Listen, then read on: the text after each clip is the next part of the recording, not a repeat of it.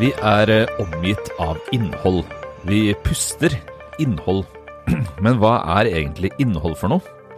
Er det ganske enkelt alt det som finnes på internett eller på skjermene våre? Eller er det vanskeligere å definere enn som så? I denne episoden av Morgenbladets bokpodkast skal vi eh, forsøke å nærme oss hva begrepet innhold faktisk betyr, og om uh, hva som følger med på lasset når det vi før kjente som konkrete sjangre eller medier eller uttrykk, havner i den store innholdskverna. Jeg heter Bernhard Ellefsen, jeg er bokansvarlig i avisa. I den andre enden av telefonlinja har jeg kollega Olaf Haagensen. Hei, Olaf. God morgen, Bernhard. Ja, innholdskverna vår kverner videre. Eh, men vi kverner på en måte ved å ta et lite skritt tilbake i vår serie om um, litteraturen i innholdets tidsalder. Eh, fordi vi syns på en måte det var nødvendig å si noen ord, noen flere ord, og, og kanskje lese litt mer om uh, hva ordet innhold, content da, som det heter på engelsk, betyr for noe. Ja, vi har jo brukt det og forsøkt å definere det eh, underveis i denne serien, men det Og vi liksom opererte ut fra en sånn uh, forståelse om at vi, vi, vet hva det er når vi, når vi ser det. Mm. Men denne gangen har vi da faktisk klart å finne noen som har skrevet en bok om begrepet content. En uh, liten introduksjonsbok, må man kunne kalle det. som ja, rett og slett heter Content. Ja, Kate uh, Eichhorn. Kate Eichhorn, en, eh, en, medieforsker. Mm. En bok som kom i fjor, i en sånn uh, Noen kjenner kanskje disse Oxford uh, Very Short Introduction to-serien. Det ligner på en sånn en, bare utgitt fra et annet amerikansk universitetsforlag. Vi kan jo si først at det er ikke så lett å finne bøker som handler om content uh, fra liksom et mer sånn medieforskningsperspektiv eller et kritisk undersøkende perspektiv, fordi ordet content er jo overalt. Uh, og det brukes jo om det vi bruker det om, altså ting som Altså innhold av ulike sjangere, medier, uh, uttrykk uh, som formidles digitalt og, og, selges på en spesiell måte. Men nesten alle bøkene, altså så å si alle, og det er så uendelig mange av dem, handler jo om å bli god på å lage content. Det handler om eh, hvordan du skal bli rik som content creator. Så hvis du, hvis du går liksom i en nettbokhandel og søker på f.eks. content og noen flere eh, forsøksvis avgrensende søkeord, så vil du bare bli overøst av guider til hvordan bli millionær på, på dette opplegget. Så det er ikke akkurat uh, tett mellom de bøkene som er relativt nye, og som kritisk eller nysgjerrig undersøker hva selve content-begrepet betyr. Nei, det tyder vel også Det sånn Det sier vel noe om uh, dette begrepet òg, at det er jo et slags sånn buzzord som har fått veldig stor utbredelse raskt, og som man måtte ha begynt å bruke litt sånn innforstått. Alle forstår hva det er. Og antagelig har en, det har jeg også inntrykk av at en del bruker det også litt At det brukes uforpliktende, da, uten egentlig sånn den Eh, veldig bevisste uh, Uten et veldig bevisst innhold rundt det, da. Ja. Sånn at her er den kritiske tenkningen eller refleksjonen omkring begrepsbruken og fenomenet, rett og slett, har hengt etter, da. Ja, det er vel kanskje noe vi har prøvd å gjøre noe med fra, fra vårt ståsted. Altså å prøve å påpeke at det ikke er et nøytralt ord. Så når man i mediebransjen eller i forlagsbransjen eller i verden for øvrig bare bytter ut eh, ordet romaner, eller ordet journalistikk, eller ordet vatnet med, med innhold, så, så, er det ikke det en sånn nøytral øh, og tilforlatelig øh, handling. Og det har vi jo snakka om her i, i podkasten også. flere ganger, altså at det, det, det, følger en del med på, på lasset. Men når vi har skrevet denne serien, så har vi jo lest oss rundt, på en måte, i litteraturen og i uh, den litteraturen som handler om oppmerksomhet, som jo er en viktig dimensjon, fordi innholdet er jo nærmest definert av det faktum at det er en vare i oppmerksomhetsøkonomien. Mm. Og vi har forsøkt å, å snakke med forfattere og, og så videre om hvordan de tenker om eget, sitt eget uttrykk i i denne virkeligheten. Men her har vi jo kikka på da altså Kate Eichhorns bok 'Content', som rett og slett er en liten medievitenskapelig undersøkelse av begrepet. Mm. Og den er jo interessant fordi den går Altså, den, den prøver jo å spore begrepets og fenomenets, selvfølgelig, da. Det er jo ikke bare ordet, men eh, fenomenet eh, sin historie gjennom de siste 25 årene, på en måte. Og den, i hvert fall begrepets historie. Eh, den starter eh, med en New York Times-artikkel fra siste halvdel av 1990-tallet, som har en helt fantastisk shakespearsk eh, tittel. The Summer of This Content. Hvor hun sier at det, ordet første gang dukker opp i liksom hovedstrømspressen, da, med denne betydningen.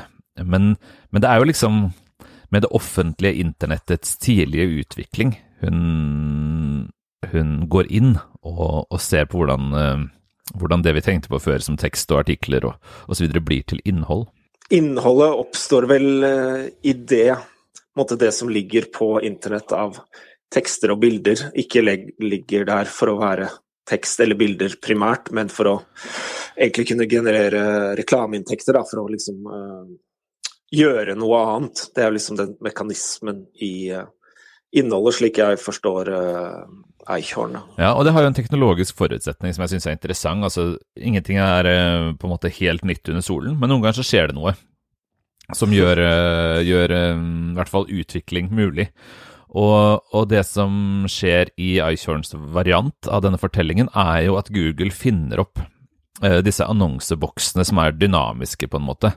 Sånn at på de aller første nettsidene, hvis du skulle ha annonsører der, så måtte du ringe en annonsør og få dem til å um, annonsere på nettsiden. Og det er jo Litt sånn som man gjorde i en gammel avis. Liksom. Ja, og en ny avis, på en måte, da. Um, fortsatt, ikke sant. Altså at man må rett og slett selge annonser til annonsører det er jo hvis du skal ha en blogg, liksom, om uh, hagen din. Uh, den, omtrent den uka fenomenet blogg oppsto i verden. Uh, så du har jo én leser, eller kanskje tre lesere, til å begynne med. Så er det jo utrolig lite attraktivt produkt å selge. Det er vanskelig å ringe til lokale hagesenteret og si vil du betale for å være på min blogg, som ingen leser. Men det, det, Google fant opp da, var jo sånne bokser som, som alle som hadde nettsider, kunne, kunne plassere på, på, nettsidene sine. Og så ville antall klikk på annonsen og antall visninger på nettsiden um, på en måte generere inntekt. Kanskje ti kroner, kanskje syv kroner, og kanskje mye mer hvis du fikk uh, flere treff. Men det gjorde jo liksom annonser tilgjengelig for veldig mange på internett, og på en helt ny måte. Og som ofte i liksom der, um, altså utviklingsløp der kapitalismen har eh, sterk eh, trekkraft, så, så, skjedde det jo veldig mye veldig fort etter det. Ja, altså nå er jo altså nå er det jo en het Den, det internettet det, den, hvor eh, innholdet liksom først får feste, som Eichhorn beskriver, føles jo litt sånn steinaldersk, eh, nesten, da. Uh, Sammenligna hvordan det Eh, er i dag. Altså hvor Bare, bare f.eks. den eh, overgangen fra tekst til eh, at det blir et bilde- og lyddrevet, eller særlig bildedrevet sted. da. Men Hvis du skal si litt om, om det steinalderske internettet, da, for det er jo ganske store rester av det man, man møter på. Det som skjer, er jo at det blir, en, altså det, det blir veldig viktig å få mange treff fra søkemotorer. Og det blir veldig viktig å spisse nettsidene sine inn mot, mot det. Og så er det mange som begynner å tjene penger på rett og slett å ha sånne enorme nettsteder. Uh, ehow.com, ikke sant, hvor du kan på en måte få svar på alt mulig. I helt uh, elendig tekst, men de har eh, tusenvis, titusenvis, hundretusenvis av sider med tekst.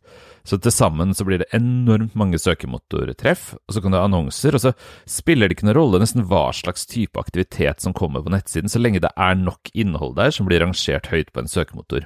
Og så vil det, de klikkene da generere inntekter. Og det er jo noe som setter liksom innholdsproduksjon i denne mest eh, søplete varianten da, i industrielt system, ikke sant? For det er jo du betaler jo ikke frilansjournalister eh, full sats for å skrive disse artiklene om hvordan bli kvitt eh, vorter, eller eh, hvordan lære å løpe, eller hvordan besøke et høyt fjell. Um, så du må jo liksom ha lavtlønna innholdsprodusenter. Ja, da oppstår det som hun kaller content farms, altså som er da ja, ikke-profesjonelle i veldig stor grad. Som sitter og skriver disse ja, hvordan beskjære en blomst, eller hvordan kroppe et JPG-bilde, eller noe sånt. Mm. Og de, hun er jo, er jo, amerikaner, hun skriver kanskje primært om den amerikanske situasjonen, da, men da er jo dette også i tillegg gjerne outsourca til land uh, hvor, uh, hvor, du kan få denne innholdsproduksjonen gjort utrolig mye billigere, da, og gjerne land. Tidligere kolonier uh, som bare har hvor mange kan engelsk, da. Mm. Altså jeg tenker på Når du sier at det er steinalderen, så ja, men dette er jo grunnen til at Google ikke funker fortsatt. ikke sant? Hvis du googler noe, Eh, så mm. finner du jo aldri lenger eh, ordentlige resultater. Du finner bare lenker til en haug med enten nettforum eller eh, sånne tomme nettsider som bare sier noe om det du søkte på. Altså, det, det kan man man bruker Google så på automatikk at man, det ser ut som en søkemotor, men egentlig så har Google gått til stykker for lenge siden. For du får bare sånne drittreff. Og det skyldes jo at internett er fylt av denne typen sånn content farm-innhold. Ja, Steinar var kanskje litt uh, uh, hardt, eller uh, litt, litt, voldsomt, da, men, en, men en annen ting man, en ting man Den bok som blir veldig tydelig med den boka, er jo da, og særlig knytta til dette med content farms, er jo da hvor fort tida mm. Eller utviklingen går, da. Altså de content farmene er vel antagelig en på vei til historiens skraphaug også nå når man har fått kunstig intelligens ChatGPT og andre, som kan produsere dette uendelig mye fortere enn ja, og en god del bedre, faktisk, da, når man ser på hvor, mm. hvor, hvor, raskt og dårlig det er, på en måte. Um, nei, altså, så Hvis vi skal prøve å overføre dette til vårt uh, felt, og det får vi jo Kate Eichhorns uh, hjelp til også, for hun er veldig nysgjerrig på hvordan dette fører inn i politikk, kultur og litteratur uh, spesifikt. Men hvis vi ser på de liksom, perspektivet av vår serie, så, så kan vi jo skjønne eller ane eller Eh, lese oss frem til at denne måten å se på innhold på, altså ikke like kynisk, selvfølgelig ikke, men hvor det primære tross alt er å tiltrekke seg eh, publikums oppmerksomhet for å tjene penger på den gjennom annonsering på den ene siden, eller mer avansert og litt nyere, da, eh, altså overvåkning på den andre siden. For Netflix er jo ikke noe som eksponerer oss for annonser, selvfølgelig, men de bruker jo det de får vite om oss mens vi ser på TV-serier, eh, i ekstrem skala. ikke sant? Det er jo, De utformer alt de gjør på bakgrunn av den typen overvåkning. Så det er jo liksom to måter å tjene penger på vår blotte oppmerksomhet på. Det er enten ved å eksponere den for eh, annonser, eller å høste den eh, i form av data. Og, det er et poeng som, eh, bare til det, som er også gjør at uh, hvis, uh, den dataen de høster, brukes jo ofte også til helt andre ting enn det, man, uh, det selskapet driver med. Da er jo mm. Facebook primæreksempelet hennes, hvor alle disse bildene man hadde lasta opp og tagga hvem som var på, da, ble brukt til å utvikle ansiktsgjenkjenningsverktøy. Uh, det ble ikke liksom uh, brukt til å gjøre brukeropplevelsen på Facebook bedre, eller noe sånt. Altså. Det ble mm. brukt til helt annen type teknologiutvikling. Ja, ikke sant. Det er en helt unik eh, ting da, å ha en uh, base med milliarder av bilder, uh, hvor ikke det bare er tomme bilder, flate bilder uten informasjon, men hvor du faktisk har fått brukerne til å merke av hvilke mennesker som er der, sånn at du kan krysskoble de bildene, og dermed begynne å utvikle et liksom, nytt produkt på bakgrunn av det. Nei, altså, så man ser jo på en måte at selv om den tidlige content-produksjonen er utrolig banal, at du, liksom, du har en annonseboks og skal bare få flest mulig til å gå forbi den, uh, uansett hvordan, så er jo den, den grunnleggende logikken er jo, er jo lik, uh, enten man snakker om uh, kvalitets-TV-serier formidla i, i, Netflix eller, eller, på en måte søppel på ehow.com. Og det er jo der man må tenke inn, da, og se hva er det som da følger med på kjøpet, når man, når man begynner å legge denne innholdstankegangen uh, på andre uttrykksformer. Du har, du har jo um, I våre samtaler om denne serien så har du minnet meg flere ganger på at uh, ordet liksom dukker opp mer og mer i bokbransjen også, ikke sant? Mm. Ja, det, det, kan man se. Det virker litt sånn nølende i bokbransjen. Og av, og til nesten som en sånn glipp at forleggere plutselig snakker om seg selv, eller innholdet de leverer, da. Som en sånn Egentlig sånn for å fange det at man nå utgir ikke bare papirbøker, men også lydbøker og e-bøker. Men så kan man også ane, en, ane denne content-tankegangen, syns jeg. Jeg snakka med en forlegger, og han uh, snakket om begrepet, eller snakket om rett på lyd. Mm. Altså sånn uh, Hva betyr det? Uh, bare... Nei, altså at man ikke går veien om en papirbokutgivelse for en lydbokutgivelse. Fordi. Lydboka, uh, den strømmede lydboka, da, har jo blitt en har jo vokst voldsomt, uh, både i omsetning, uh, men også liksom som en sjanger i seg selv. For mange er det den foretrukne måten å innta ta, litteratur på.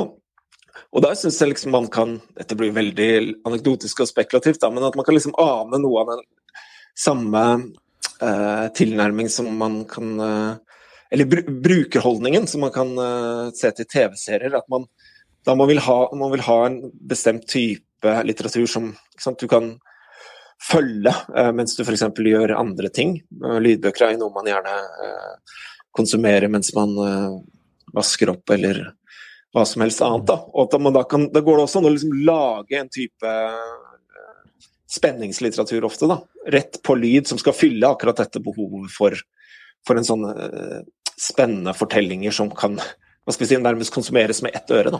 Mm. Ja, og Hvis man forholder seg litt sånn uh, formalistisk til det, så, så, er det jo klart at med strømming av lydbøker, så finner jo litteraturen vei inn i den typen transaksjoner som innhold uh, har som forutsetning. Altså hvis du, hvis du går på en måte til bokhandelen uovervåket, ikke sant? Du har ikke meldt deg inn i Nordlys kundeklubb, eller hva det nå heter, men du prøver å være så lite overvåka som mulig som kunde, og kjøper en analog bok, og sitter hjemme og leser den uten å da fortelle noen datamaskin om du har hoppa over noen sider, eller om du ikke gadd å lese mer på side 38, eller det er din egen privatsak, så har du jo på en måte sneket deg forbi en del av innholdsøkonomiens eller oppmerksomhetsøkonomiens forutsetninger, rett og slett.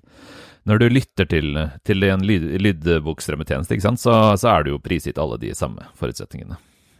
Ja, dette er på en måte en, hva skal vi si, den uh, harde oppmerksomhetsøkonomiens harde klo som man ser gjør, begynner å gjøre seg gjeldende i bokbransjen, nettopp gjennom strømming. Da. Men det er jo også på en måte en slags, hva skal vi si, en myk hånd i dette store maskineriet også, da, som også er uh, som er liksom vanskeligere å identifisere og kanskje analysere eller å beskrive effekten av. Da. Men når, vi, et, når, jeg leste den boka til Eichhorn, så ble jeg sittende og tenke på eh, Jeg husker noe fra den tiden jeg jobbet i forlag. Mm. Eh, for omtrent som 15 år siden så jobbet jeg i et av landets største forlag et par år. Og da var det i en sammenheng så var det en av direktørene der som uh, Det var nesten bare i forbifarten, men han snakka om at det man driver med i et forlag, det er uh, rettighetsforvaltning. Uh, det er litt mindre sexy enn det man i norsk kulturhistorie er forbundet med å jobbe i forlag, selvfølgelig. Nettopp, ikke sant. Og det er antagelig grunnen til at jeg faktisk husker det. For det var en sånn tørr og usexy beskrivelse eh, også, eh, av det vi drev med, som var så langt fra den eh, arbeidshverdagen, hvor det da handla om diskusjoner av litteratur og utformingen av bøker osv. osv. Men han hadde jo rett til det. At, mm. sånn rent økonomisk så er det jo det som er forretningsmodellen. da. Mm. Å selge rettigheter, velge hvilke bøker du skal trykke opp, hvor mange osv. Men man kan jo bare se for seg hvordan dette forlaget hadde sett ut hvis det hadde vært drifta eh, fra et sånt rent rettighetsforvaltningsperspektiv. Hvis du bare hadde alle rettighetene i en enorm database og satt og så på hvilke av de skal vi på en måte fornye, hvilke bøker skal vi trykke opp, uten å egentlig ta hensyn til hva bøker det eh, var. Da Da ville man plutselig ikke hatt Ibsen i trykk. da. Ikke sant? For bokbransjen har jo liksom også denne er jo en uh, det er en kulturbransje som også tar denne kulturbiten uh, av bransjen egentlig tar det på alvor, da. Eller det er i hvert fall uh, langt oppe i bevisstheten til norske forlagere, selv om det gnages på den også fra alle kanter. Ja, det er jo liksom litt det at det man kaller det man driver med, former måten man gjør det på. ikke sant? Sånn at hvis man kaller det for uh, ditt eller datt, så, så, har det konsekvenser for hvordan man gjør jobben etterpå. Så det er jo mer sånn praktisk enkel uh, Altså, innhold har ideologiske føringer på mange nivåer, men også veldig konkret. Man gjør noe annet hvis man kaller det innholdsproduksjon, hvis man kaller det f.eks. For leggeri. Men eh, det er jo liksom den um, helt mediehistoriske, konkrete og lille ideologiske påstand om den, uh, dimensjon, altså dimensjonen ved innhold. Men Icehorn i sin bitte lille, og ikke, ikke uh, tvers gjennom fantastiske, men likevel veldig verdifulle bok, uh, er innom flere, syns jeg, liksom perspektivutvidende ting knytta til innhold. Og det andre, altså hun hun mynter vel et begrep, tror jeg, her. Altså, hun låner uh, veldig tungt fra Bourdieu, men uh, hun setter på begrepet en annen dimensjon ved innholdets tidsalder, som er veldig mye omtalt og veldig synlig for alle. Og det er jo uh, hvordan ikke for, for, for eksempel en forfatter blir content-produsent ved å skrive bøkene sine, men at vedkommende i tillegg til å være forfatter, må være content-produsent. Altså at content rundt uttrykket eh, blir så viktig. Hun kaller det rett og slett for eh, content capital, altså parallelt til f.eks. kulturell kapital eller symbolsk eh, kapital. Så vi kunne snakke om innholdskapital på norsk, da. Og det eh, syns jeg er en veldig nyttig begrepsliggjøring. Eh, jeg leste tidligere denne uka på NRK, eh, var det sikkert, siden de teppebomber eh, alle sine digitale flater med det, hva heter det for noe, Grand Prix. Eurovision, er det det heter. Og der var det en av de Grand Prix-artistene som, som, var størst av alle de andre Grand Prix Jeg vet faen, jeg. Du vet, en i denne gjengen var større enn de andre på TikTok. Og da, da, da, var det et eller annet sånt eh, portrettintervju så det ut til. Jeg må innrømme at jeg ikke klikka, for jeg kom på dette her nå da, som et eksempel. Men eh, hvor det sto at vedkommende for et eller annet eh, altså tolv måneder siden eller sånn, var ikke på TikTok i det hele tatt. Nå var det innlegg fra alt fra liksom flyreiser til toalettbesøk. Um, og det er liksom et eget poeng, ikke sant? Det sto, jeg vet ikke, det sto sikkert noe om musikken til den artisten også. Men hovedpoenget er jo nesten at uh, hun er var det største i, på TikTok av disse artistene. Og det er jo gjennomgående. Man ser jo mye mindre komiske, men like reelle eksempler på det i, um, i litteraturen, f.eks. At, uh, at man bruker sosiale medier til å dele fra skriveprosessen, at det kanskje er noe forlag oppmuntrer til. At man skal skaffe seg innholdskapital, uh, sånn at man blir en mer attraktiv avsender av litteratur, f.eks. Mm, Eichhorn griper tak i Hun har et lite kapittel nettopp om uh, content og litteratur, og da er det tar hun tak i den canadiske poeten Rupi Kaur. Uh, og hennes vei til litteraturen, uh, som Altså, hun var poet, da, eller er poet. skrev ganske korte dikt. Mm. Og det er skrevet da en, en bok eh, som hun ikke fikk utgitt, vel, eh, via noen av de tradisjonelle eh, forlagene. Eh, hun hadde gått på skrivekurs og sånn, og liksom blitt forklart at det var veien eh, å gå da, hvis hun ville publiseres. Begynn å sende til noe tidsskrift, og så sender du til et forlag og sånn. Men det, det, gikk ikke. Altså. Så isteden så begynte hun å legge ut disse korte diktene på Instagram, da. Og klarte å skaffe seg en enorm eh, følgerskare med det. Uh, så stor at uh, at hun, da, uh, at hun i dag rett og slett har en, en, hun er en liten bedrift.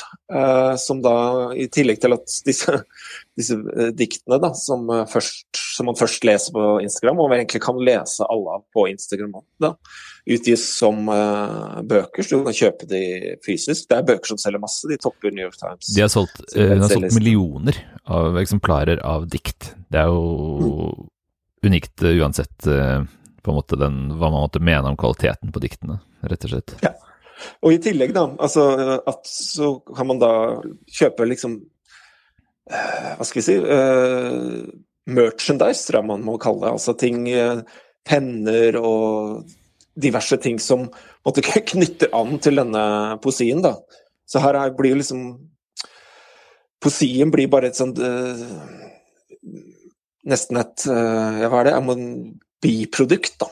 Av, I hele virksomheten. Eller ja, det er, eller at i hvert fall boka blir et biprodukt. Altså, ja. i Diktene på Instagram er vel kanskje, kan vi kalle det liksom kjernen, tross alt. Men, men f.eks. når man da kjøper boka av disse diktene som er digitalt tilgjengelig, og man har lest sannsynligvis fordi man følger henne i de mediene hun er, så, så kjøper man jo nesten et slags suvenir, er i hvert fall Eichhorns poeng. Ikke sant? Ja. At det, hva skal man med den boka, annet enn å ha det som merch? Men det som, er, det som er litt interessant, hvor man ser altså Hun er jo et eksempel på skyhøy innholdskapital, ikke sant? Og det ser man jo nå eh, overalt i bokhandelen. Altså halvparten av bøkene som ligger på alle torg, er jo skrevet, særlig hvis det ikke er skjønnlitteratur, da, men hvis det er hobbybøker, turbøker osv., så er det skrevet av folk som primært er kjent for uh, det de driver med på, på Instagram, f.eks. Men Rupi Kaur er jo også et eksempel på noe som på en måte var en slags forhåpning knytta til internett, ikke sant? Altså at man så jo for seg før liksom internett ble totalt kolonialisert av tech-gigantene, at det skulle være et veldig demokratisk eh, medium, på en måte, hvor alle kunne ytre seg og, og kanskje kapitalkreftene kunne utfordres snarere enn å sementeres, og at, eh, at var, man skulle uttale seg på lik linje, og at det skulle bli et voldsomt mangfold. Og Rupi Kaur er jo uh, egentlig, ytre sett, et slags eksempel på det, uh, hvis vi nå legger hele Instagram-dimensjonen uh, til side, men altså at hun deler dikt på internett. Mange leser dem. Hun selvpubliserer bøkene, altså går forbi forlagssystemene, osv. Men det, det Eichhorn jo viser at det gjelder i mange tilfeller eh, av denne typen, er jo at det blir det blir contentifisert, på en måte. Eh, fordi da skal, da skal, det tjenes penger. Eh, det er rett og slett veldig få som opprettholder en eller annen form for sånn idealisme rundt det. ikke sant? Så, så fristelsen til å selge penner, f.eks., som Aykjørn nevner at Kaur gjør, eh, som koster 100 dollar, og som ikke utmerker seg på noen annen måte som penn enn at de har Rupi Kaurs navn eh, inngravert, den blir jo åpenbart for stor. så, så hun er jo et eksempel på høy innholdskapital, men hun er også et eksempel på den litt utopiske forestillingen man hadde for drøye 20 år siden, for hvordan det egentlig kunne gå. Og kanskje det er det innholdsideologien har spist opp til frokost, eh, lunsj og middag, da. Ja.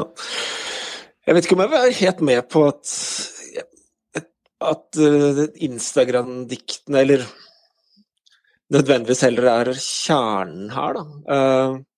Mitt inntrykk er jo at man Altså, de er åpenbart kjernen der, liksom der de eh, begynner. Altså uten å publisere de på, uh, på Instagram, så hadde det ikke vært noe. Men at det er vel så liksom mye som diktenes innhold handler om en eller annen sånn community-følelse, eller liksom få lov å være med i, i livet til dette mennesket som poster uh, disse kloke ordene eller fine ordene eller uh, hva det er. da, Så det er liksom en, en, slags forskyvning allerede der inne. da.